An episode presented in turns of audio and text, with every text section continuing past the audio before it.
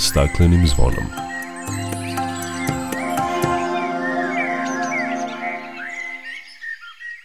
Dobar dan, dobrodošli na Zeleni talas prvog programa radija Radio Televizija Vojvodine. Ja sam Dragana Ratković. Na početku srećnu novu godinu želimo svima onima koji slave po julijanskom kalendaru. U prvoj ovogodišnjoj emisiji osvrnut ćemo se na to kakva nam je bila godina za nama kada je reč o zaštiti životne sredine. Početak godine nije protekao mirno. Barža sa hiljadu tona azotnog đubriva potonula je kod Bačke palanke. Čućete šta se dešava kada azotne materije dospeju u reku. Proteklu nedelju obeležila je i borba za spasavanje goveda i konja na Krčedinskoj adi koji su zbog visokog vodostaja Dunava bili zarobljeni i pretilo im je uginuće zbog nedostatka hrane. Ovoga puta govorit ćemo o konjima sa Krčedinske ade, o kojima je pre deseta godina Oliver Fojkar snimio istoimeni dokumentarno-prirodnjački film. Biće reči i o zimskom popisu ptica vodenih staništa, kao i o akciji Ptice moje hranilice, koje sprovodi Društvo za zaštitu i proučavanje ptica Srbije. Toliko u najavi, o svemu opširnije nakon pozdravne pesme. Dok priroda kraj nas plače, za vladarskim svojim tronom, tužno vele narikače pod staklenim nismo zvonom.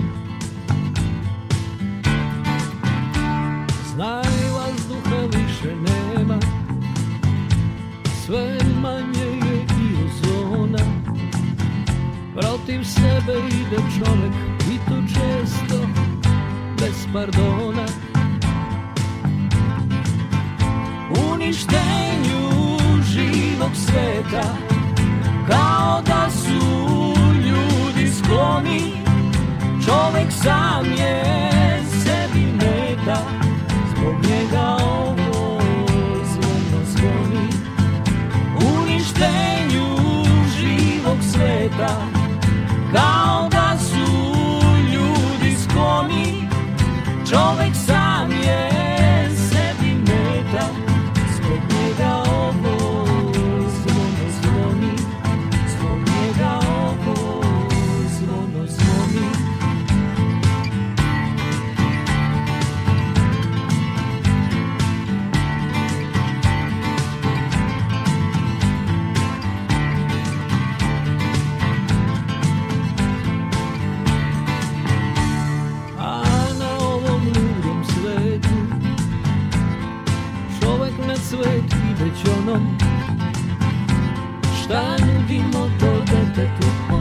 stakleni kad smo zvonom.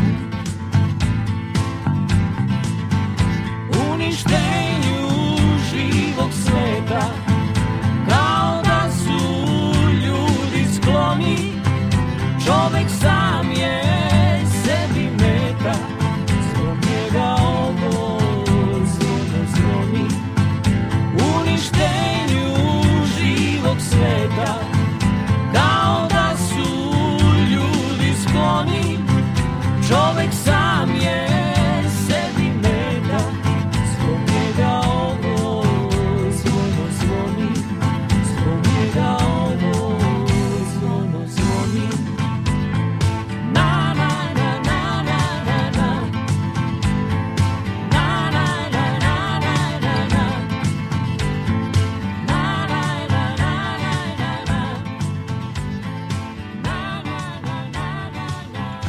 S obzirom na to da je ovo prva emisija u novoj godini, napravit ćemo i mali osvrt na godinu za nama kada je reč o zaštiti životne sredine. Evropska komisija je u svom izveštaju o evrointegracijama zemljama Zapadnog Balkana napredak Srbije u oblasti zaštite životne sredine i klimatskih promena prošle godine ocenila kao izvestan, što znači da smo dobili prelaznu ocenu. Evropska komisija vidi napredak u tome što je Srbija usvojila dugo očekivanu strategiju niskougljeničnog razvoja, da je napredovala u izradi integrisanog nacionalnog energetskog i klimatskog plana i da je povećala investicije u zaštitu životne sredine. Krajem decembra vlada Srbije je usvojila i program prilagođavanja na izmenjene klimatske uslove s akcionim planom, a usvojen je i nacrt integrisanog energetskog i klimatskog plana do 2030. godine sa projekcijama do 2050. Izrada strateških dokumenta u oblasti klime za nas je izuzetno važna i zbog našeg evropskog puta smatra stručnjak u oblasti klime, energetike i održivog razvoja Aleksandar Jovović. Prvo, ajde što Ujedinjene nacije očekuju od svih zemalja povećane napore i nekakve nova stremljenja i tako dalje. Ali mi smo zemlja kandidat Evropske unije, znači od nas se dodatno očekuju određeni ciljevi, znači povećanje ambicija. Znamo da je Evropska unija predvidela da do 2030 smanji emisije za više od 55% u odnosu na 90. Za 2050. Evropa, ne Evropska unija, bude ugljenično neutralna i u skladu sa tim sve zemlje Evrope očekuje se da podignu svoje cilje. Potpuno je za očekivati da se mnogi ciljevi redefinišu i tako da liči da se tu neke stvari potencijalno uređuju. I koalicija 27 u svom izveštaju Senke dala je osvrt na sprovođenje zelene agende u Republici Srbiji i o napretku u poglavlju 27 životna sredina i klimatske promene. Izveštaj su nazvali Zelena agenda bez agende i to je, kako kažu, ujedno i ključna ocena koju koalicija 27 daje o napretku reformama u toj oblasti. Bez obzira na veliki broj strateških dokumenata koje smo osvojili, još nemamo jasne promene i jasne napretke u oblasti zaštite životne sredine ne, iako se mogu videti pozitivni efekti da građani povezuju utice zagađenja na zdravlje i samim tim zahtevaju veću brigu o životnoj sredini, kaže Igor Jezdimirović, predsednik Udruženja inženjera zaštite životne sredine, koja je član mreža koalicije 27. Napredak i koji se dešava u oblastima ide poprilično sporo. U svakoj od oblasti postoje pozitivni i negativni delovi. Ono što definitivno moramo da uradimo jeste da treba da shvatimo da bez zdrave životne sredine nema ni našeg zdravlja. S druge strane, nailazi veliki talas investicije u oblasti životne sredine, pre svega u oblasti upravljanja komunalnim otpadom, upravljanje vodama, ali i neke druge infrastrukture. Ono što ostaje problematično jeste da i dalje jako veliki broj svega toga radimo na nivou procene. Bar u delu kad je upravljanje otpadom u pitanju koje prate inženjeri zaštite životne sredine, mi evo ni posle 14 godina od donošenja zakona o upravljanju otpadom nismo uspeli da sakupimo sve podatke, izmerimo koliko otpada i kojih vrsta otpada imamo, nego su još uvek to procene. Jedan od problema koji se godinama provlači, a bio je aktuelan i u 2023. godini, jeste kvalitet vazduha. U godišnjem izveštaju Agencije za zaštitu životne sredine o stanju kvaliteta vazduha potvrđuje se poznato stanje, a to je da je vazduh zagađen gotovo svuda gde se rade merenja. Podaci u izveštaju pokazuju da devet gradova u Srbiji beleži veće zagađenje vazduha nego najzagađeniji gradovi u Evropskoj uniji. Razne agencije, portali, aplikacije studije, posebno od početka grejne sezone, pokazuju da su naši gradovi među najzagađenijima u svetu. Pomoćnik pokrajinskog sekretara za zaštitu životne sredine Dragan Đurica kaže da te podatke treba gledati sa rezervom jer ne znamo koji su podaci tačni i na koji način daju podatke u ostatku sveta. Ono što je sigurno gde ima industrije, gde se nešto dešava i proizvodi, zagađenje vazduha postoji. Ono što je kod nas problem veliki su individualna ložišta i možda je jedan od problema kad pričamo recimo Užicu, Valjevu i, i drugim gradovima koji su uvek na toj nekoj crnoj listi je to da zapravo oni imaju problem što već dugo vremena muku muče sa time što ne mogu da se priključe na sistem daljinskog grejanja što bi značajno smanjilo zagađenje, a imamo i poređenje sa recimo Novim Sadom ili Beogradom gde je veliki broj, veliki procena domaćinstava priključen na to daljinsko grejanje, ali se još uvek i jedan dobar deo greje i koristi neka alternativna goriva za zagrevanje tokom zime, vraćamo se na to upravo zbog toga je zima period kad je zagađenje najuočljivije. Zagađenje vazduha je uvek postojalo, kaže profesor Aleksandar Jovović. Klimatske promene, posebno u zimskim mesecima, samo su povećale broj dana kada se zagađenje zadržava u niskim slojevima atmosfere, što utiče i na zdravlje ljudi. Na to ukazuju i zvanični podaci da zbog zagađenja vazduha za više od 10.000 ljudi godišnje bude skraćen životni vek. S druge strane, Ne mogu da ne pomenem da je ministarstvo, na primjer, pretpostavljam i pokrajina, uložili dosta u rekonstrukciju toplana i kotlarnica po opštinama po Srbiji. I to se pokazalo jako solidno rešenje u smislu zagađenja vazduha. Sa zagađenjem vazduha neposredno ili posredno povezano je upravljanje otpadom. Kako kaže profesor Jovović, i tu imamo izvestan napredak. Dosta deponija, onih starih smetlišta je sanirano, kao izrađene su neke transfer stanice po Srbiji, grade se ona postrojenja regionalnog tipa i to jesu zaista uz postrojenja za otpadne vode koje se planiraju u velikom broju opština u Srbiji jesu onako veliki infrastrukturni zahvati koji dosta će unaprediti sistem upravljanja otpadom. Međutim, i dalje imamo da deponije gore, i dalje imamo ogroman broj divljih deponija, i dalje imamo vrlo nizak nivo reciklaže i imamo naravno uvek dobru tu zakonodavnu aktivnost gde su sada doneti i uredba o građevinskom otpadu i nova uredba o termičkom tretmanu, nova uredba o upravljanju muljem, što je vrlo zanimljivo. Prema rečima pokrajinskog sekretara za urbanizam i zaštitu životne sredine Nemanje Ercega, Vojvodina je u poređenju sa prethodnim periodom dosta napredovala u upravljanju pre svega komunalnim otpadom. Zelenim kantama i sistemom odnošenja smeća pokriveno je 95% domaćinstava, a u 2024. resorni sekretarijat podeliće i plave kante za primarnu separaciju u kojoj će se odvajati reciklabilni otpad. U nekim regionima već se radi primarna separacija, kaže Erceg. Mi danas možemo da primimo bilo koju delegaciju iz Evropske unije da obiđe regionalnu deponiju u Subotici, koja danas funkcioniše po principu i standardima. Ono što smo mi kao sekretarijat proteklih dve, tri godine uspeli da uradimo, a to je edukacija, obezbeđivanje neophodnih sredstava za implementiranje opreme, tehnologije i tako dalje za preradu komunalnog otpada, sigurno doprinosi da danas imamo mnogo bolju sliku pogledu zaštite životne sredine nego što smo to imali ranije. Problem zaštite voda u Vojvodini je nedovoljan tretman i sakupljanje otpadnih voda. Najveće zagađenje pravi i najveća aglomeracija, a to je Novi Sad, koji nema prečistač otpadnih voda. Kako kaže članica gradskog veća zadužena za zaštitu životne sredine Mira Radenović-Bojić, trenutno se kroz projekat Čista Srbija radi studija opravdanosti sa idejnim rešenjem kao i rekonstrukcija kanalizacione mreže. Ja očekujem da ćemo u narednih godinu i po dana imati pripremljenu projektnu tehničku dokumentaciju za sam prečistač i onda u skladu sa tim nastaviti realizaciju. Ono što je obeležilo 2023. jesu oluje koje su početkom jula zahvatile našu zemlju i nanele veliku materijalnu štetu ne samo objektima nego i prirodi.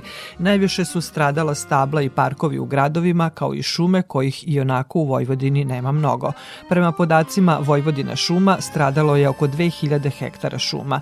Najugroženije je područje Južne Bačke i Srema, a posledice tog nevremena otklanjaće se u narednim godinama. Kada je reč o zaštiti prirode, procenat površina pod zaštitom u Srbiji je mali. Evropski prosek je 25%, a u Srbiji jedva smo dogurali do 8% pod zaštitom. Prema istraživanjima Ekološkog centra Stanište u Vršcu, mali procenat područja pod zaštitom je zbog dugih procedura samog postupka zaštite koje traje u proseku i do 9 godina. Zato postoji više razloga, navodi Dejan Maksimović. Mi kao građani, ovako gledajući sa strane, možemo da nagađamo šta je to u pitanju. Jedno od tih jeste svakako da i Ministarstvu zaštite životne sredine i Pokrajinskom i Republičkom zavodu za zaštitu prirode je potrebno više kapaciteta. Potrebno je više ljudi koji su stručni koji se bave pripremom studija i pripremom određenih postupaka zaštite, ali to nije najvažniji razlog. Najvažniji razlog je što kada se neko područje želi da se zaštiti, onda se tu dešavaju sukobi interesa zaštite prirode kao opšteg interesa i nekih pojedinačnih ekonomskih interesa nekih uskih e, grupa. Tako da e, dolazimo dotle da se suočavamo sa time da postoje investitori, postoje drugi sektori kao što su e, energetika, rudarstvo, šumarstvo kojima zaštita prirode ne odgovara. Na sajtu Ministarstva zaštite životne sredine u obaveštenjima o pokretanju postupka trenutno 45 većih područja čeka na proglašenje. Kada bi ta područja bila proglašena zaštićenim, procenat pod zaštitom povećao bi se na više od 10%. U Pokrinjskom zavodu za zaštitu prirode kažu da je 2023. godina bila uspešna jer je sedam područja proglašeno zaštićenim značajnim. Sigurno je da u godini za nama nismo ispunili očekivanja, ali napravljen je izvestan mali napredak u pojedinim oblastima.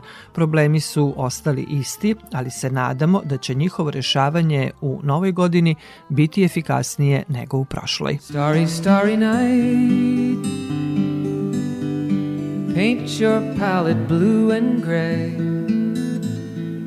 Look out on a summer's day with eyes that know the darkness in my soul, shadows on the hills. Sketch the trees and the daffodils, catch the breeze and the winter chills in colors on the snowy linen land. Now I understand what you tried to say to me, and how you suffered for your sanity, and how you tried to set them free. They would not listen, they did not know how. Perhaps they'll listen now. Starry, starry night flaming flowers that brightly blaze, swirling clouds in violet haze, reflect in Vincent's eyes of china blue, colors changing hue. Morning fields of amber grain, weathered faces lined in pain, are soothed beneath the artist's loving hand. Now I understand what you tried to say to me, and how you suffered for your sanity, and how you tried to set them free. They would not listen, they did not know how. Perhaps they'll listen now, for they could not love you but still your love was true. And when no hope was left inside on that starry, starry night, you took your life as lovers often do.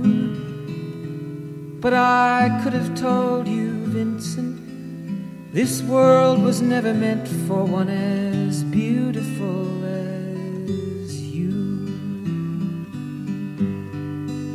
starry, starry night. Portraits hung in empty halls, frameless heads on nameless walls, with eyes that watch the world and can't forget, like the strangers that you've met. The ragged men in ragged clothes, a silver thorn, a bloody rose lie crushed and broken on the virgin snow. now I think I know what you tried to say to me, and how you suffered for your sanity, and how you tried to set them free. They would not listen, they're not listening still. Perhaps they never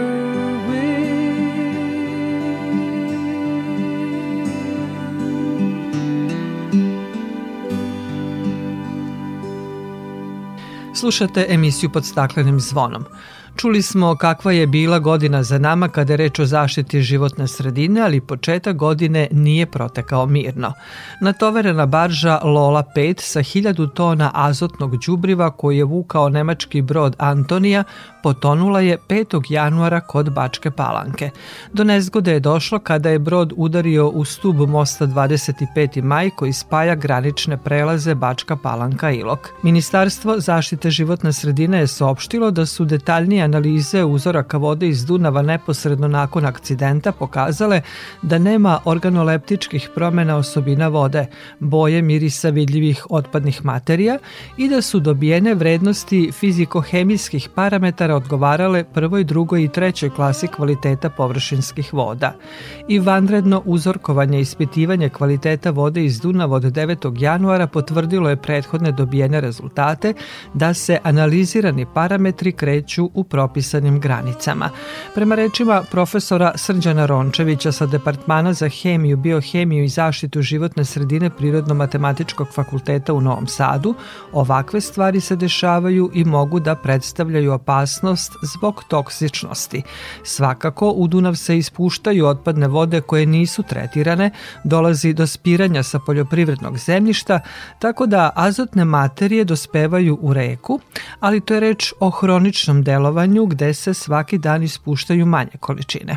Ovde se radi o ispuštanju velike količine azotnih materija koje onda mogu da izazovu akutne štetne posledice, odnosno toksično delovanje na najbliže okruženje sreća u nesreći jeste da je Dunav dosta visok, da ima velika količina vode koja to može da razblaži, tako da u razmatranju posledica bitno je i moment kada se to desilo. Ovde su naravno neophodna merenja da se vidi zapravo koliko dolazi do ispuštanja đubriva. Obično se ta đubriva pakuju u posebne džambo vreće koje imaju ulogu da zaštite da ne dolazi do prodora vlage, odnosno vode u samo đubrivo jer ono ako prodre voda dolazi do njegovog slepljivanja, ono treba da ostane u vidu granula da bi moglo da se razbacuje po njivama. I nadam se da će to pakovanje koliko to toliko usporiti, odnosno zaštititi da ne dolazi do rastvaranja tog đubriva. Ono što je loše je da se ta đubriva prave da bi bila što bolje rastvorljiva kako bi ih biljke lakše apsorbovale. I ako voda prodre u vreće, ona će se dobro rastvoriti, a ne zna se sastav đubriva. Prema nekim podacima reč je o azotnim đubrivima i tu postoji više vrsta, kaže Rončević. Njihovim rastvaranjem oslobađaju se s jedne strane nitrati, koji dovode do eutrofizacije vode i ako i ne izazovu neku samu toksičnost na samo mestu rastvaranja, svakako su to je velika količina azotnih materija koja će završiti u ekosistemu i može da dovede eutrofizacije, a Crno more je već osetljivo na eutrofizaciju i zato se zabranjuje ispuštanje azotnih materija. Amonijak, odnosno amonijum ioni koji se ispuštaju, oni su i toksični, veoma za živi svet i mogu da izazovu i pomor ribe koja se nalazi u blizini. Zato je e, uopšte bitna ta neka dinamika koja vrsta đubriva je prisutna, da li je došlo do štećenja vreća, e, da se to što pre izvadi iz Dunava, da ne dođe do potpunog rastvaranja sve te količine. Urea, ona pri rastvaranju, ona hladi vodu, snižava temperaturu, to može da uspori neke procese, dobro je, neće se ona raspadati u vodi na tim nekim niskim temperaturama, što je opet dobro jer njenim raspadanjem nastaje amonijak koji je toksičan, ali sa druge strane ako je amonijum nitrat, on može da dovede do zagrevanja i oslobađanja amonijaka, sad ako se oni nalaze zajedno, to su sad sad sve neke nepoznanice, zato ovde je najvažnije to što pre izvaditi iz vode i, i minimizirati moguću štetu. Iz Udruženja profesionalnih lađara Srbije kažu da je Dunav rečni autoput i svaki potonuli objekat trebalo bi da se ukloni, kao što se sa puteva uklanjaju oštećena vozila. Baržu bi trebalo da ukloni vlasnik plovila, a ukoliko on to nije u mogućnosti, to može da učini država o njegovom trošku, što će najverovatnije biti urađeno urađeno na proleće kada vodostaj opadne.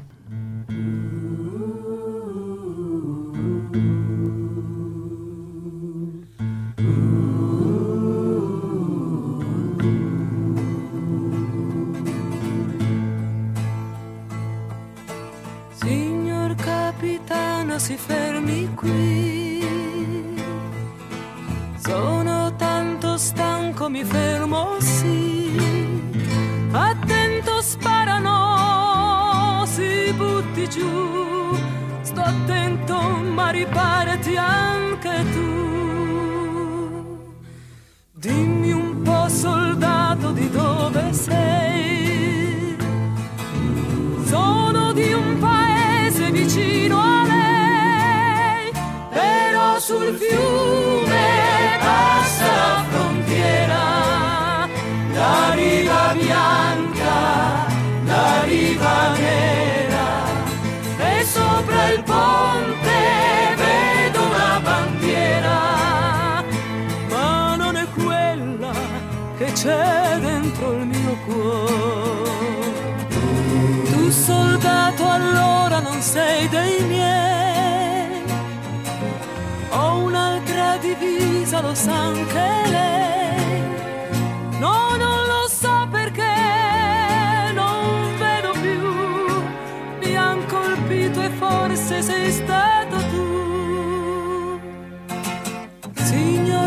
Capitano, che ci vuoi fare?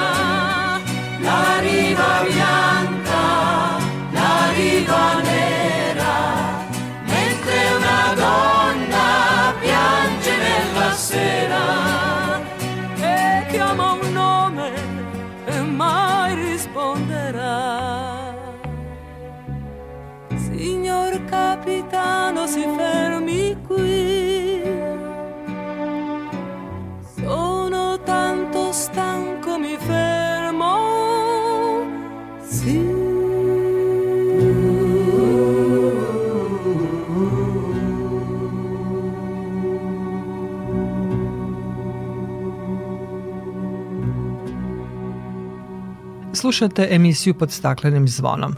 Proteklu sedmicu obeležila je i borba za spasavanje goveda i konja na Krčedinskoj adi koji su zbog visokog vodostaja Dunava bili zarobljeni i pretilo im je uginuće zbog nedostatka hrane. Krčedinska ada je deo specijalnog rezervata prirode Koviljsko-Petrovaradinski rit, čiji je upravljač javno preduzeće Vojvodina šume i jedno je od najvećih rečnih ostrva u našem Podunavlju. Poznata je po tome što se na njoj nalaze mnogobrojne domaće životinje poput konja, magaraca, mangulica, krava, ovaca, tu je i autohtona vrsta podolskog oveče, živina brojne vrste ptica. Životinje ovde žive slobodno u predivnoj očuvanoj prirodi ali zbog visokog vodostaja i zime pretilo je uginuće životinja, pa su stočari zatražili pomoć. Prvo su evakuisana goveda, a evakuacija konja bila je malo teža. O konjima sa Krčedinske ade pre deseta godina Oliver Fojkar iz Pokrajinskog zavoda za zaštitu prirode snimio je dokumentarno-prirodnjački film Konji Krčedinske ade i to je bio povod da porazgovaram sa njim. Oliver, o životu na Krčedinskoj Adi. Snimili ste film i sećam se svojevremeno na premijeri. Rekli ste Krčedinska Ada predstavlja svojevrsnu Noevu barku savremenog doba. Da. Evo, meni je drago da pričamo o Krčedinskoj Adi.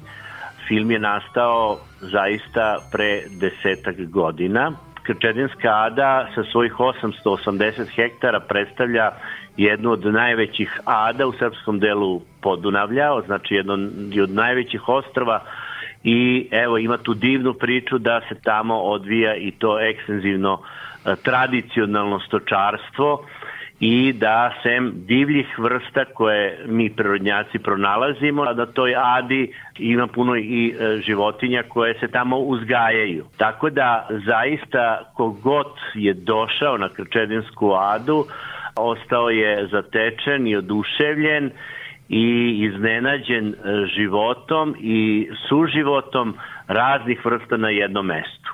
Tako da zaista Krčedinska ada predstavlja posebno mesto na našem celom e, toku Dunava, možda i na celom toku Dunava Krčedinska ada je ušla pod zaštitu i u sklop specijalnog rezervata prirode 2011. godine Pokrinjski zavod za zaštitu prirode revizijom tog specijalnog rezervata prirode proširio površinu zaštite i na Krčedinsku adu, a 2012. godine taj prostor je dobio i međunarodni značaj kao Ramsarsko, kao vlažno područje od izuzetnog značaja, tako da zaista Krčedinska ada predstavlja jedno izuzetno mesto. E, životinje ovde žive slobodno u, u toj predivnoj očuvanoj prirodi kao što ste i rekli i konji krčedinske ade žive slobodno, ali me tokom zime ne samo njima nego i ostalim životinjama ipak potrebna pomoć čoveka.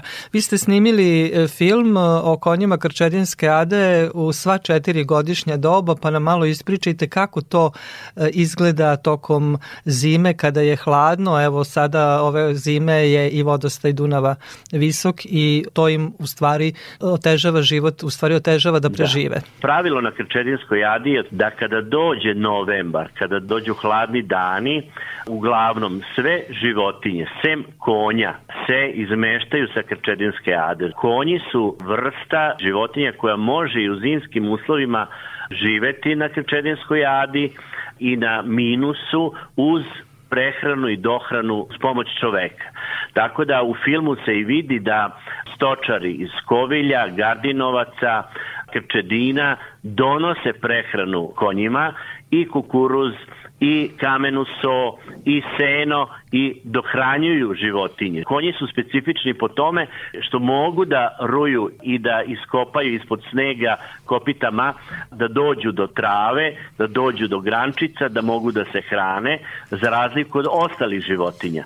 Znači, krave, podolci, balkansko magare ne ostaju na adi, naravno ni, ni mangulice, one se sve izmeštaju sa ade, a pravilo je eto do sada bilo da, da konji s obzirom da imaju zimsku dlaku i do 8 cm, njima hladnoća ne smeta toliko, naravno nije baš ugodno, ali preživljavaju i nije bilo uginuća konja na Krčedinskoj jadi. Te životinje zaista tamo žive slobodno, tačno se zna ko je čija životinja i kada ih oni odvedu kući jeseni, oni imaju veliku obavezu da ih hrane te životinje, u smislu nije to jeftino hraniti kod kuće. Zato i ostavljaju konje koji mogu da prežive na Krčedinskoj jadi i u zimskim uslovima.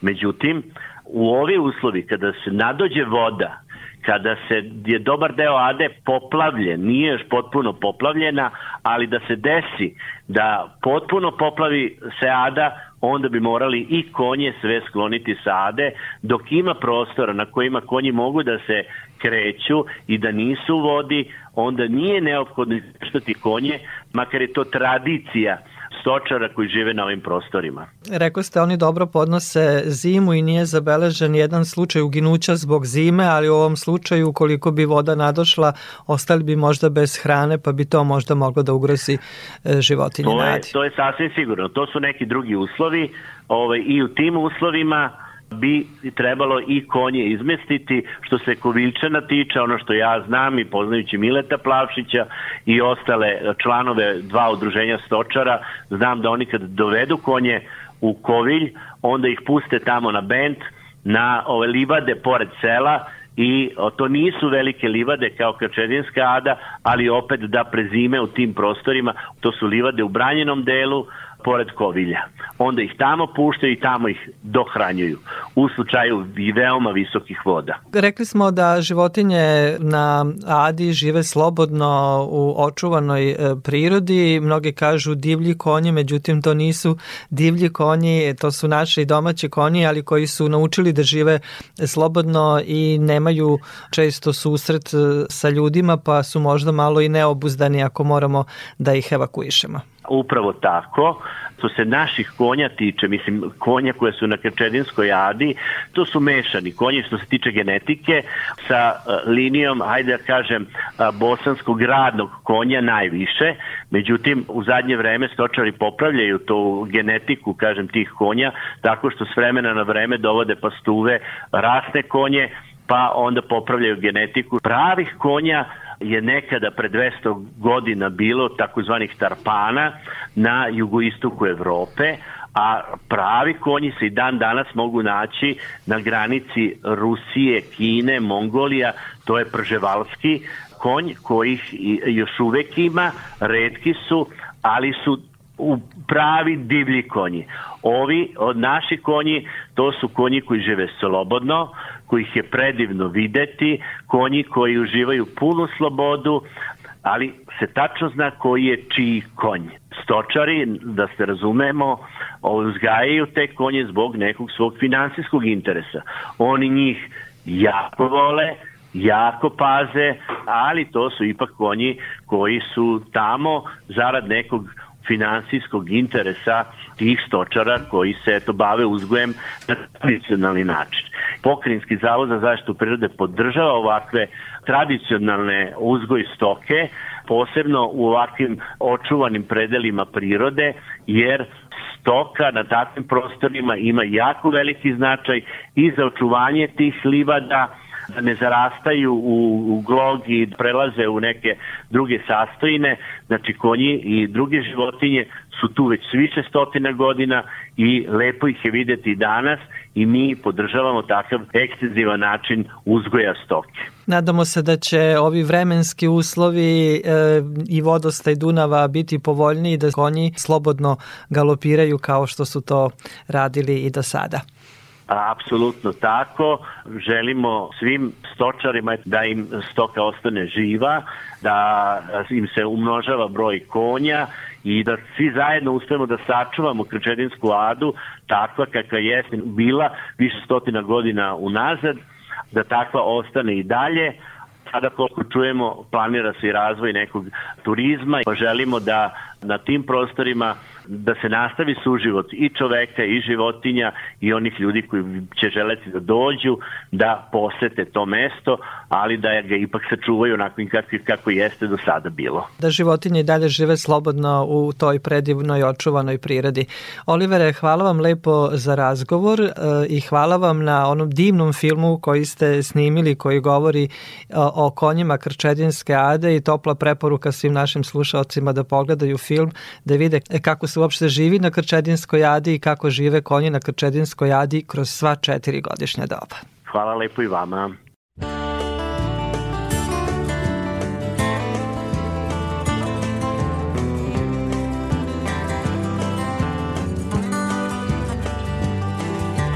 Funny how the circle turns around First you're up And then you're down the circle takes what it may give. Each time around, it makes it live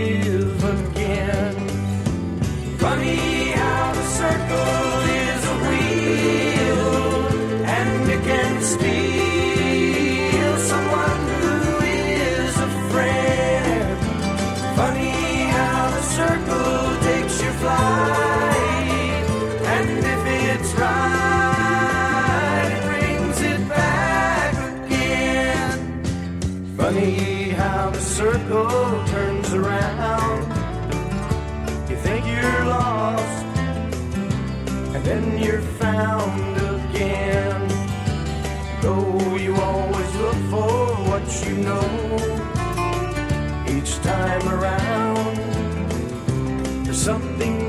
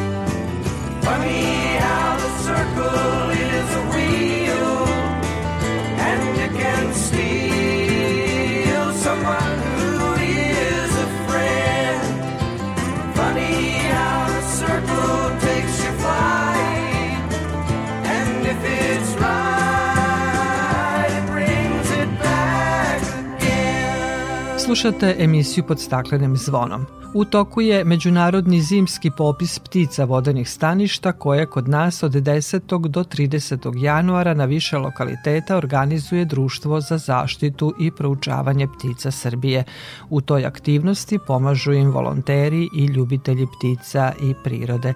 Više o tome Vlado Matijević. Međunarodni popis ptica vodenih staništa je aktivnost praćenja brojnosti divljih ptica i potiče još iz davne 1966. godine. U našoj zemlji to brojanje se obavlja na markiranim vodenim površinama i močvarnim terenima, a u tim aktivnostima brojačima pomažu upravljači i čuvari zaštićenih područja i aktivisti drugih institucija koji se bave vodama i zaštitom prirode. Brojanje može da se obavlja sa raznih plovila, iz vozila, peške ili sa lovačkih čeka. Broje se praktično sve zatečene ptice koje su u najvećoj meri i selice. Patke, guske, labudovi, gnjurci, ronci, čaplje, galebovi i druge zatečene vrste. Kaže koordinator akcije Marko Ščiban koji objašnjava zašto se popis radi u ovom periodu i u kojim regionima. Pa to se sad u ovom periodu ovo, radi upravo zato što su ptice u zimskom periodu koncentrisane na svoja zimovališta i tada nisu raštrkane teritorijalno po svakoj barici, svakoj uvali to, nego su najčešće skoncentrisane u ta velika jata. I ono što je u svim zemljama gde se ovaj popis radi važno jeste da se upravo ta najvažnija mesta dobro popišu, da se ti svi podaci saberu. Ovo, podsjećam da se ovaj popis radi u preko 80 zemalja Evrazije i Afrike i u tom delu praktično mi dobijemo procenu populacije. Preko 120 vrsta zimovalica posećuju naše krajeve, kaže Šćiban i naglašava koji su to regioni kod nas kojim se daje prednost u brojanju. Fokus je svakako na, na reku Dunav, jedna od poslednjih ledi kod nas i prah svakako je refugijum za ptice kad sve zaledi, one dobrim delom beže na Dunav, međutim i sve druge vode i reke i čak i oni ma, najmanji potoci uh, takođe mogu da budu pribežište za neke vrste, tako da mi gledamo da aktiviramo što više ljudi, naši članova, saradnika, lovaca, kogod je rade da, da, da pomogne i da doprinese to poznavanju ptica iz godine iz godinu da pratimo šta se to dešava, šta nam ostaje češće na zimovanju, da nečemu opada brojnost ili ne. Vrlo zanimljiv i nov podatak jeste da je krajem decembra na Bovanskom jezeru između Aleksinca i Sokobanje prvi put u našoj zemlji otkriven veliki morski gnjurac poreklom sa Islanda, gde se inače i gnezdi a većina populacije poreklom je iz Severne Amerike. Praćen je do 3. januara, pa pošto je mogućnost da je zbog zime promenio stanište.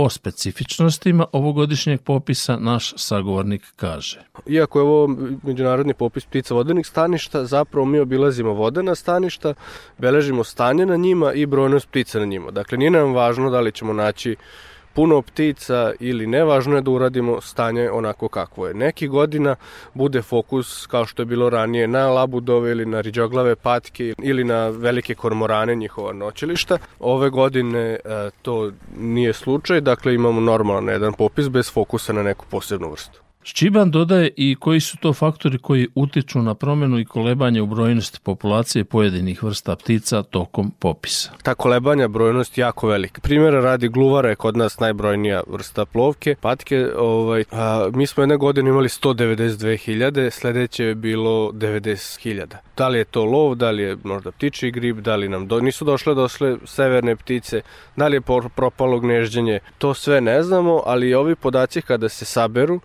Wetlands International je međunarodna organizacija koja prima ove podatke. I uh, kada dobiju sve podatke iz godine u godinu, prateći različite parametre koje dobijaju od drugih istraživanja i drugih, recimo, klimatoloških parametara, se vidi da li je negde došlo do pada brojnosti, negde do porasta i onda to što je kod nas opala brojnost ne znači da je nešto loše, ali ukoliko u više, u, nizu zemalja do, dolazi do opadanja brojnosti, to znači da se nešto loše dešava. Iz rezultata samo kod nas mi ne možemo puno da zaključimo, niti to može da predstavlja nešto loše. Iz razloga što ptice, čim su neki lošije uslovi, ne gledaju da se pomere negde gde su bezbednije, da ima hrane praktično. Ono što je važno je da mi naše vodene površine dobro odradimo, i da ovaj, naši svi popisivači budu bezbedni, da niko ne nastrada, tako da to je apsolutni prioritet. Na prvi pogled to brojanje može izgledati komplikovano i konfuzno, a kakvi su zapravo načini sistem tog brojanja pojasnio nam je naš sagovornik. Jednostavno beleži se ona koliko ptica ima. Ukoliko je brojnost velika, tu se onda radi takozvana blok metoda. To je teško ako upisati očima. Najbolje je da se, ako nekoga interese, prijavi na neko od naših, nek, naših narednih obuka i da ide s nama na teren da uči, praktično ovaj, to je više onako, ukoliko i su ogromne brojnosti, nije lako, ali može se brojati sa fotografije, može se procenjivati na odnosu blokova od 10 ili 50 ptica, pa koliko ima tih blokova u jatu, tako da se dobije neka dosta precizna procena. Svako da 3600 82 ptice nije lako brojati kad se pomeraju, ali može da se dobije broj kod 3600 ili 700, što je približno realnom stanju i to je sasvim zadovoljavajuće. Ovoga vikenda održava se i panonski popis ptica grabljivica koji ima međunarodni karakter. Akciju koordiniraju kolege iz Mađarske, a učestvuju i kolege iz Slovačke i Rumunije. Dobit će se podaci o orlovima krstašima i ostalim vrstama grabljivica koje budu obuhvaćene popisom. Zbirni rezultati zimskog popisa ptica vodenih staništa šalju se u krovnu organizaciju Wetland International i BirdLife International, a kod nas će biti publikovani u časopisu Cikonja koji će ponovo biti štampan. U društvu za zaštitu i proučavanje ptica Srbije kažu da ne očekuju da precizni podaci popisa budu objavljeni pre sredine godine što opet zavisi i od ažurnosti aktivista na terenu.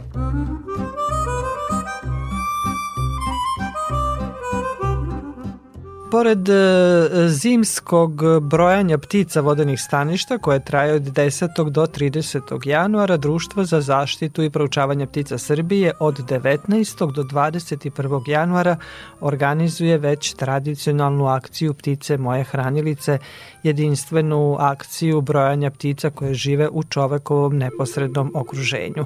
Tim povodom sa nama koordinatorka ove akcije Nataša Jančić. Nataša, dobrodošli na Talasa Radio Novog Sada. Hvala vam na pozivu, kao i uvek e, rado smo vaši gosti. Petu godinu za redom se organizuje akcija posmatranja i brojanja ptica i hranjenja ptica koje žive u čovekovom neposrednom okruženju i koju ste nazvali ptice moje hranilice, pa da se podsjetimo šta je cilj ove akcije i kako će biti organizovana ona ove godine. Cilj akcije je da e, motivišemo ljude da prihranjuju i da posmatraju ptice i da učestvuju u ovoj specifičnoj e, aktivnosti koju možemo nazvati građanskom naukom zato što svako ko dostavi podatke od 19. do 21. januara doprinosi tome da naučimo koje ptice žive u našem naposrednom okruženju, kakve su njihove navike,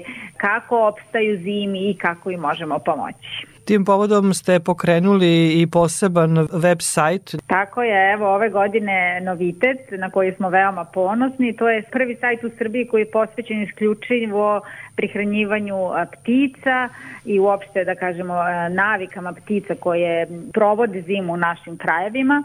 Sajt je hranilice.pticesrbije.rs Vidjet ćete tu mnogo informacija interesantnih, e, čak i nekih interesantnih ilustracija kako da prepoznate ptice i slično, a ono što je najbitnije, na tom sajtu se nalazi i formular preko koga ćete moći da unesete svoje podatke od 19. do 21. januara. Taj formular je trenutno zatvoren, ali će biti otvoren 19. januara i veoma je jednostavan za korišćenje, čak i zabavan. E, tu su ilustracije svake, svake ptice koju vidite, tako da moći ćete lakše da zaključite koju ste pticu videli, pregrš drugih informacija, takođe još neke informacije koje mogu biti korisne, čime hranite ptice, da li ste videli grabljivice, da li primećujete da ptice imaju neka oboljenja.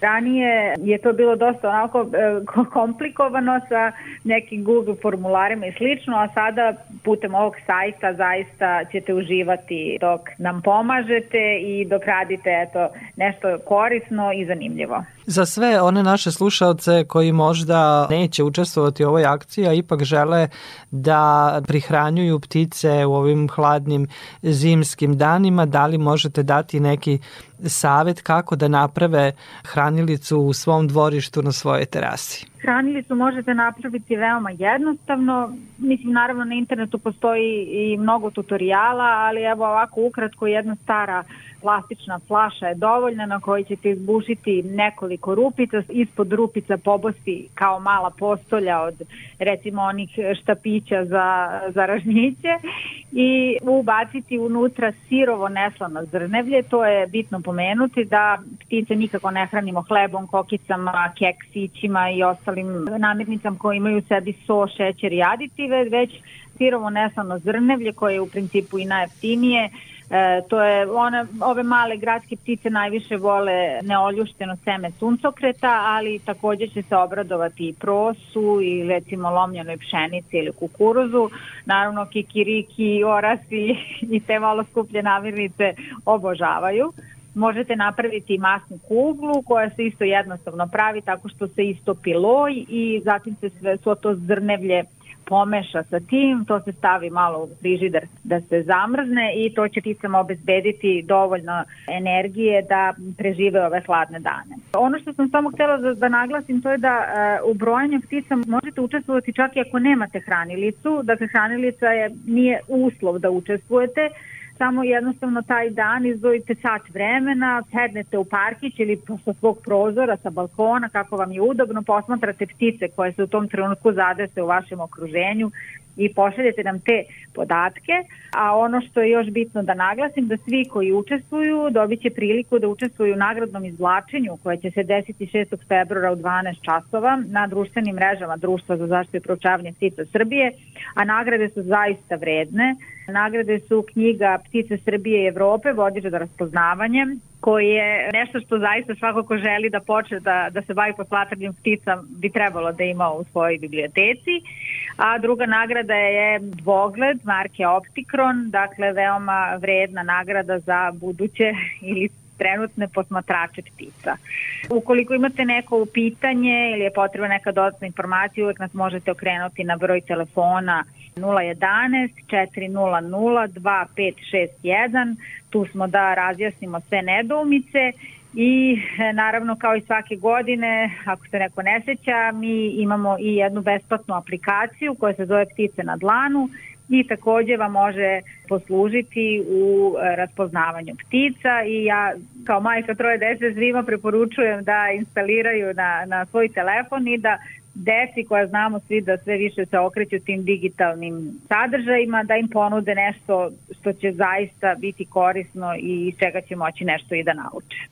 Sigurna sam da će eto mnogi naši slušaoci kao i prethodnih godina se uključiti u ovu akciju ako već nisu sami napravili e, neku hranilicu u svom dvorištu ili na terasi da uživaju u pticama da ih uveseljavaju i ujedno dakle da ih pozivamo da učestvuju jer brojanjem e, doprinose i njihovom proučavanju da znamo koje sve ptice žive u našem okruženju. Tako je i kao što sam rekla na početku ono što je još važnije da znamo kako da im pomognemo. Upravo tako. Nataša, hvala vam lepo za razgovor i učešću u programu Radio Novog Sada. Hvala vama na pozivu.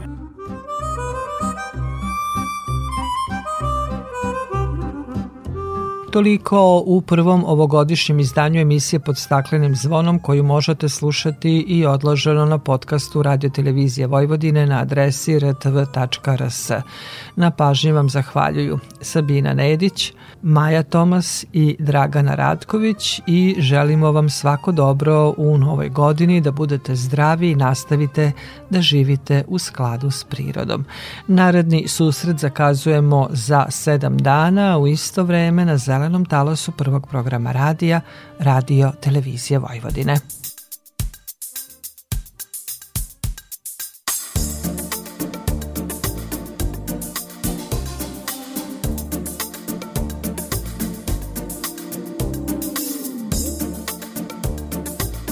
Quanti ricordi dietro me, li segnerò nel diario interrompo i vecchi fatti cuori del presente mio, di bianco e rosso vestirò.